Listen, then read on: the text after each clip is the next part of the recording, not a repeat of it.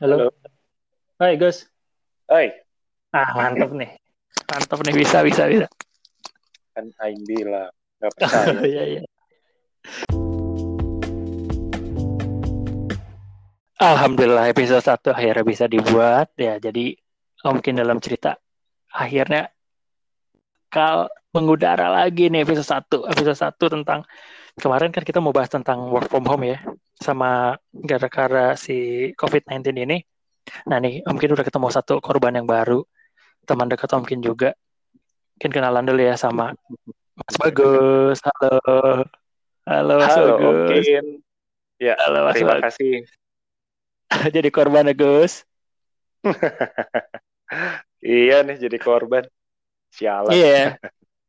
Wah, jangan dong, jangan jalan. Oke, Gus, Gus, kenalin Oh, dulu iya. Gus. Lu lu lu siapa? Kenapa bisa kenal sama gua? Kenapa bisa mau jadi korban? Dikit ya, Oke. dikit. Oke, sebelumnya dikenalin dulu ya. Nama gue Bagus. Ah, iya. Eh, gue eh, eh, Kerja. teman Sekarang Oke, gue kerja di salah satu startup di Jakarta. Nah, Oke, bidang Hmm. bidang apa? kebetulan di bidang pertanian. Wah, menarik nih ya pertanian ya. Terus? Hmm, nah, terus ketemu Om Kin, ya kita teman dari SMA. Padahal padahal beda SMA ya. Iya, tapi beda SMA. Iya. Nih apa keresahan-keresahan yang ada sekarang nih dampak buat lu nya gimana sih Gus? COVID-19 nih. Kayaknya gue inget banget COVID-19 tuh baru booming tuh sekitar bukan booming ya dia dia di Wuhan tuh sekitar mungkin bulan Februari ya. Desember. Oh di Desember ya. Yes, Desember. Desember Desember ya Desember mungkin peaknya di bulan Februari yang yang yang pemerintah Tiongkok nge-lockdown Iya. Wuhan itu ya. Ya, exactly. Nih, kan, ya pandangan lu gimana Gus nih tentang si pandemi ini yang ya kita kita apa ya kaget ya padahal dari dulu kayak ada flu burung ada Ebola cuman kayaknya yang sekarang nih mengerikan banget nih gimana Gus? Oke, ke kalau menurut gue sebetulnya kon- COVID-19 ini ada dua sisi berbeda gue ngelihatnya. Yang pertama Hmm. sisi positif dan yang kedua sisi negatif. Mungkin kita bicara dulu dari sisi negatif kali ya. Sisi Ya negatif sih yang negatif, Gus? Sisi yang ditimbulkan dari COVID-19 ini adalah kita tidak bisa berinteraksi dengan banyak orang di eh, di waktu yang bersamaan. Kayak misalkan contoh orang kantoran kan pasti sangat banyak tuh kayak meeting, kayak ketemu Iya, iya. klien, kayak eh, harus harus eh, ngerjain project secara bersama-sama. Tapi Iya, iya. sekarang pergerakannya itu benar-benar dibatasin which is kita benar-benar kayak harus benar-benar menahan diri ketemu bersosialisasi atau mungkin eh, mengerjakan project secara bersama-sama itu yang bikin negatifnya artinya semua pekerjaan bisa dibilang di hold atau eh, kayak apa ya kayak kita menunggu pandemi ini mereda dulu baru Tapi kita akan kan si- melanjutin semua kegiatan kita si Gitu. pandemi ini sebetulnya kan apa ya Gus ya? Eh, interaksinya kan sebenarnya kita nggak masalah kan. Mungkin setahu gue nggak tahu ya gue masih orang awam. Setahu gue kita interaksi sama orang nggak masalah asalkan apa jaga kebersihan kali gitu ya. Gue nggak tahu Eh, sih si pandemi ini tuh menularnya gimana. Yang yang yang benarnya mungkin kayak gue harus podcast sama dokter kali Gus ya. Wah, Ya, harus harus harus.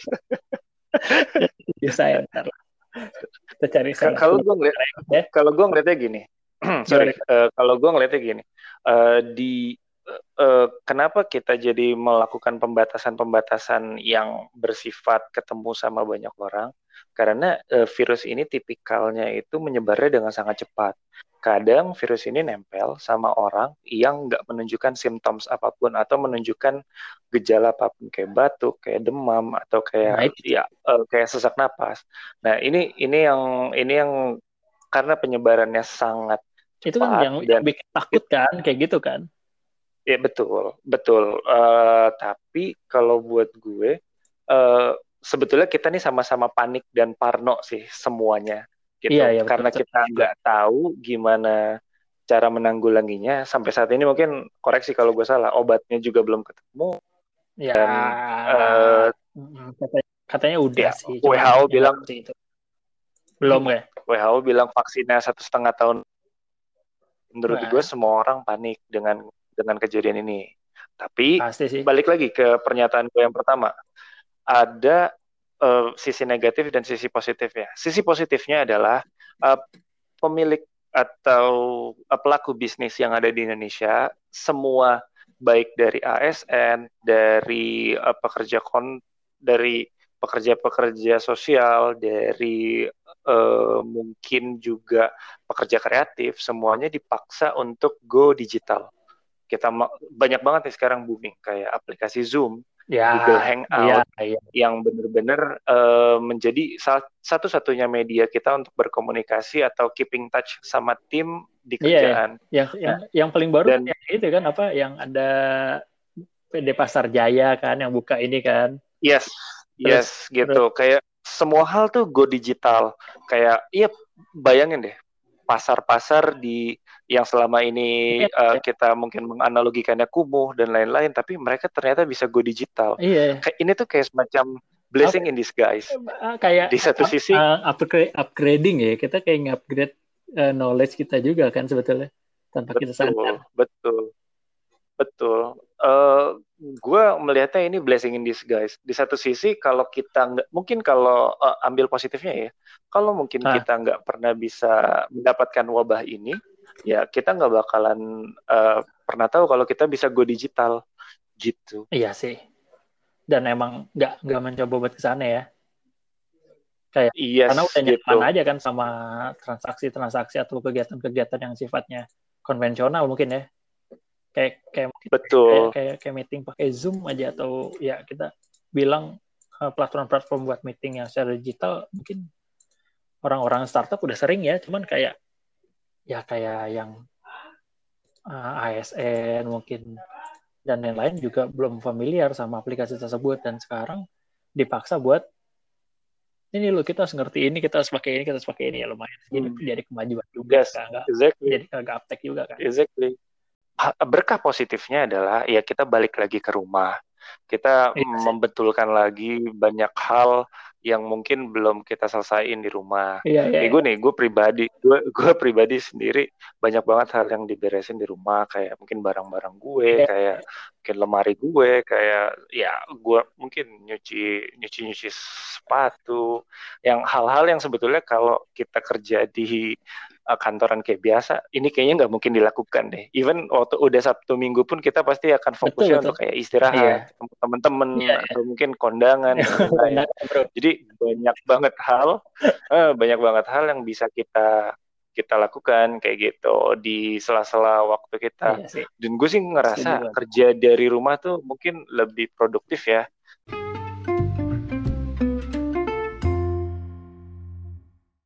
Lo gimana sih si di perusahaan startup pertanian lo tuh sebelumnya lo diwajibin buat keluar-keluar atau ke luar kota atau ngecek-ngecek lapangan gitu nggak sih? Oke, sebetulnya kalau di startup pertanian ini eh, kita sebetulnya beruntung. Gue sebetulnya beruntung. Gue beruntung karena gue berjalan di eh, startup, which is itu sebetulnya basisnya teknologi, Hmm. kemudian bidangnya pertanian. Nah, nggak ketemu kan sebetulnya. Eh, kita selalu berpedo, kita selalu melihat kalau pertanian tuh ah itu kuno, orang-orang Iya, tua dan iya. lain-lain. Tapi ternyata, hmm, tapi ternyata kita bisa mendigitalisasi hal tersebut menjadi lebih simple dan lebih lebih akurat. betul. Gua, Eh, kalau di keadaan normal, Enggak, Gimana, enggak, gimana, sorry? Gue, gue setuju banget kalau misalkan kita sebagai yang muda tuh mesti ngelirik ke pertanian, soalnya apa ya? Kalau misalkan ya taruhlah Indonesia sebagai gue jadi jadi apa ya? Jadi sosok visioner gini. Eh, Indonesia sebagai Hmm. lumbung padi juga kan, tapi kalau misalkan pertanian yang yang yang ngurusin orang-orang tua yang tanpa inovasi mungkin bakal kita kalah dari segi pena, petan- apa penanaman, terus penyemaian dan segala macam hmm, kan. yes. Nah makanya gue gue menarik Yes. banget dan kenapa lu gue jadiin tumbal pertama karena ya gue tahu lu. Gue tahu lu kerja di startup. Startup kan sebetulnya ya kalau kalau buat denger dari teman-teman gue udah biasa kerja work from home lah remote udah biasa. Cuman lu startupnya startup pertanian coy. Yang di mana yang di mana kalau misalkan di lockdown kita misalkan berandai-andai jelek-jeleknya lockdown deh atau darurat sipil lah. Supply pertanian harus, harus tetap menyediakan iya, supply makanan, apalagi gitu dengan kan. Dengan keadaan kayak gini tuh buah dan sayuran tuh harus ada betul betul sekali iya, jadi gini normalnya di keadaan kerjaan gue yang sebelumnya itu uh, gue harus gue mengharuskan gue untuk pergi uh, ke berbagai okay. tempat uh, daerah pertanian yang ada okay. di Indonesia ya contoh lah kayak uh, harus kayak ke tempat kelapa okay. sawit okay, di Sumatera, kemudian kayak perkebunan kokoa di uh, okay, Sulawesi, okay. kayak gitu, atau mungkin ke lumbung padi di Indonesia Tengah di okay, Nusa okay. Tenggara. Gitu. Ya, yang yang yang dekat-dekat, uh, yang dekat-dekat yang udah udah banyak korban COVID-nya ada Gus Jawa Barat, Jawa Barat itu ada loh. Oke, okay. di Jawa Barat sendiri ada tiga okay. uh, daerah yang udah mulai karantina uh, wilayah hmm, ya. Karantina wilayah itu pertama Sukabumi. Oh, Sukabumi lo ada, ada hmm, juga Sukabumi. tuh project di sana si yes, perusahaan lo. Ya, Sukabumi itu gue ada komoditas cabe di situ. Kemudian di Garut gue punya komoditas uh, jagung. Satu lagi tuh di daerah uh, mana ya? Di daerah Subang itu ada komoditas okay. padi. Nah, uh, di zaman di uh, bulan-bulan sekarang nih harusnya mereka udah lagi masa hmm. panen panen raya lah karena mereka udah nanam dari bulan hmm. Desember dari bulan uh, November di tahun lalu dan tahun uh, dan bulan-bulan ini harusnya mereka mulai ngerasa panen okay.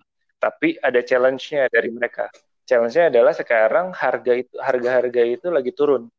Harga-harga itu lagi turun. Kenapa? Karena Gus, Gus. Uh, logistik kita justru huh? gimana gimana? Ya? Logistik dari kita? Ya, karena logis ya logistik dari kita itu uh, karena ada sistem lockdown ini dan karantina wilayah dan lain-lainnya, logistik kita ini kesulitan untuk mendistribusikan okay. uh, barang-barang tersebut. Jadi sebetulnya demand-nya eh sebetulnya supply-nya itu ada, tapi itu masih di daerah masing-masing. Ketika di deliver ke let's say kayak ke Jakarta atau ke Jabodetabek, mm -hmm. itu punya challenge karena kita sudah mulai menerapkan uh, karantina wilayah yang uh, akhirnya menurut kayak pasar-pasar yang biasanya jadi uh, yang menerima produk ya? mereka itu ditutup.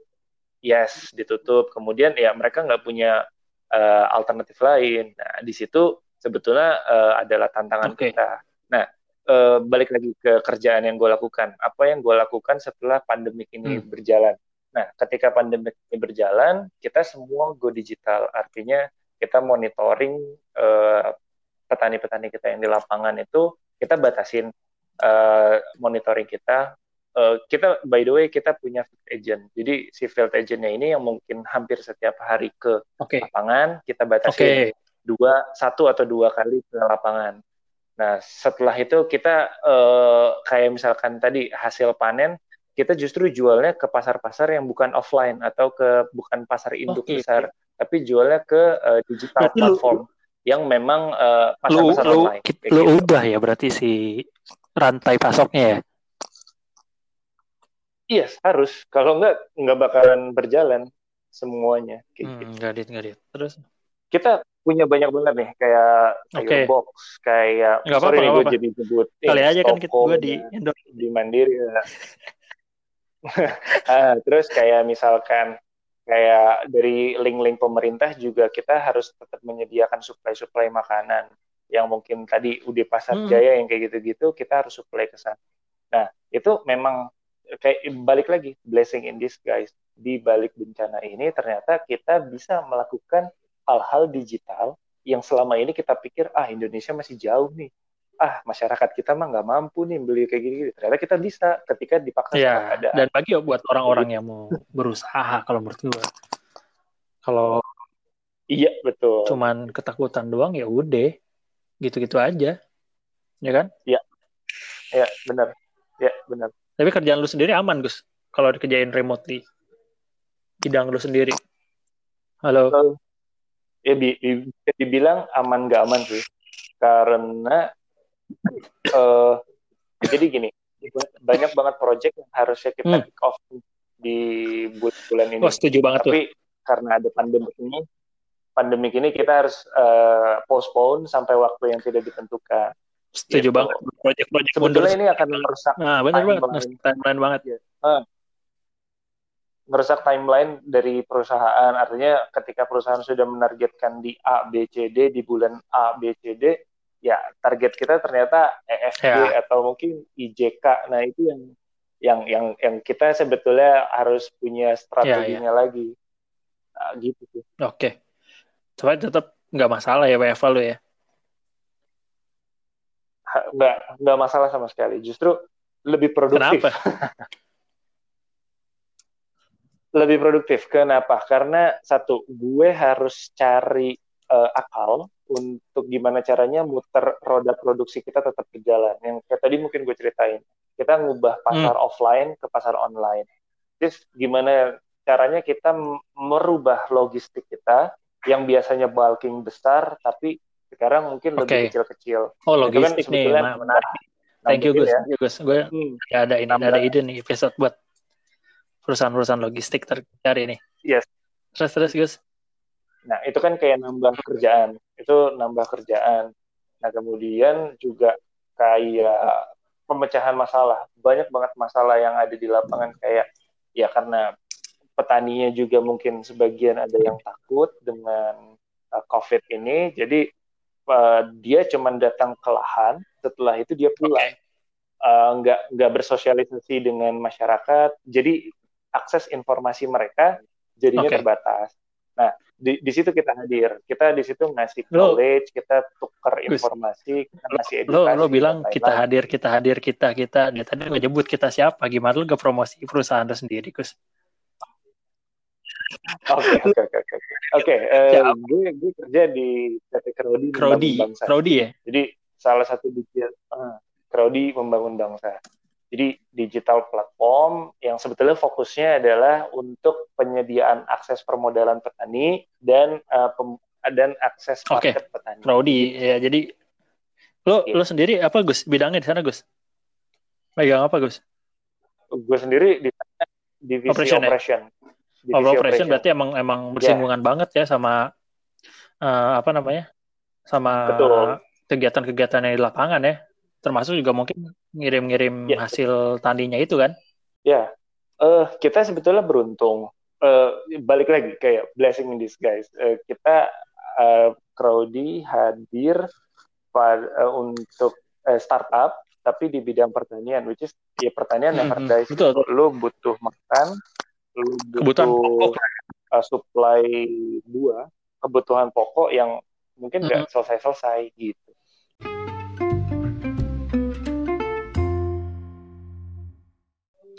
Eh, kegiatan di rumah ya. Kegiatan di rumah tuh eh, Itu tuh berapa lama sih? Kevin dua minggu ya, tiga minggu. kalau sekarang sih jalan ketiga minggu ya. Ini WFH tiga minggu ya? ketiga gue nih. Gitu. Oh iya. Tiga Ah. minggu lu udah udah naik berapa kilo lo? Ah, waduh, itu kayak gue nggak kehitung deh tuh. Udah banyak banget gue naik. Oke, Agak olahraga kan pas itu hilang tuh. Eh, hilang banget tuh olahraga. Iya kan? Nggak, Eh, gue iya bener bener. bener. udah udah niat banget waktu itu Eh, kan nih jadi si bagus nih suka main bola nih teman-teman nih bagus main bola terus gue gue gue gue berencana kayaknya dua minggu yang lalu gitu gue pengen ikutan lu main, Main bola. Iya. iya Bener bener. Bener. tapi nggak bisa gue sih sebetulnya nyikapinnya adalah gue ganti olahraga gue. Gue jadi lebih kayak ya mungkin kayak plank kayak push up kayak sit up nah yang kayak gitu gitu dan itu sebetulnya eh, boleh jujur intervalnya eh apa eh, frekuensinya nggak banyak. Jadi gue cuman ngejaga badan aja sih supaya lebih bugar aja gitu. Berjemur kan sambil berjemur nggak Gus? Oh iya. Gue berjemur dengan dengan eh, saran lo waktu itu 5 Oh, sampai iya dong. eh 10 sampai 15 menit tapi jam Nah. 9 eh tapi di atas, di atas jam jam 9 sembilan. Iya, Ya. di atas jam 9 atau jam 10 kemudian ya udah setelah itu uh, keringetan setelah, setelah 15 menit kan kita keringetan nih udah habis Hmm. itu mandi dan dan dan Iya, ngerjain seger ya? seperti biasa seger seger tuh, seger gue gue di rumah jadi sering olahraga sendiri kan kayak gue sama kayak lo kayak ngeplank terus main barbel barbel dikit lah sambil sambil berjemur terus gue pernah Hmm. nekat sekali gue coba jalan di tempat gue 10 menit gus. Hmm. jalan tempat lari tempat lah gue 10 menit gus. Nah, terus? Beres beres itu kan mandi ya. Terus hmm. terus zuhur tuh. Gue nggak bisa ruku anjir. Ketarik kaki gue gue sakit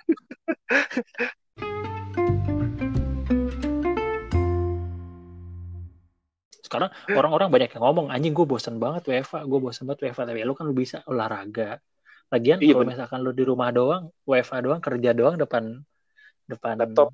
laptop lu terus kanan ada cemilan terus tiap setengah jam makan ya untungnya iya cemilan sekarang rada susah ya kita nyarinya karena mager juga keluar ya benar tetap aja Yes. lu di- lebih lebih resiko apa ya lu bosen ya karena harusnya banyak yang bisa dikerjain makanya gue juga Iya. sebetulnya jadi jadi balik balik lagi ke modcast ya ada ada inspirasi dari sana juga gitu kan. Bosen bosen. Ya gue gue ngisi waktu luang aja. Waktu luang Iya. gue soalnya sepanjang hari. Eh, kerjaan gue kayak gini. gara-gara WFH ini tuh gue jadi pengen kepikiran beli PS tau. Gue tuh Ya. kayak spending spending days with with PlayStation. Cuman gue gue mikir gue mikir kayak ah Tim ini sih gue nggak bakalan kerja ini sih. Ya udahlah gue tahan Eh. dulu deh. Kerja kerja guys ada ada waktu-waktunya main PS dan kayak gue gue bangun bangun pagi pagi terus main PS dulu nih. Sampai jam 9 berjemur olahraga mandi makan siang ngerjain sesuatu hal. Kayak misalkan kayak tadi nih gue konsep-konsep eh, konten-konten kan sama bantuin orang tua juga kan. Yes. di rumah terus sampai asar main PS lagi maghrib malam produktif lagi gitu aja. Ya lu kan kan ganti tuh kayak malam lah lu udah kosong kayak sekarang nih malam mungkin malam lu kosong lu main PS ya gue tunggu lah di Ultimate Team FIFA Ultimate Team ya.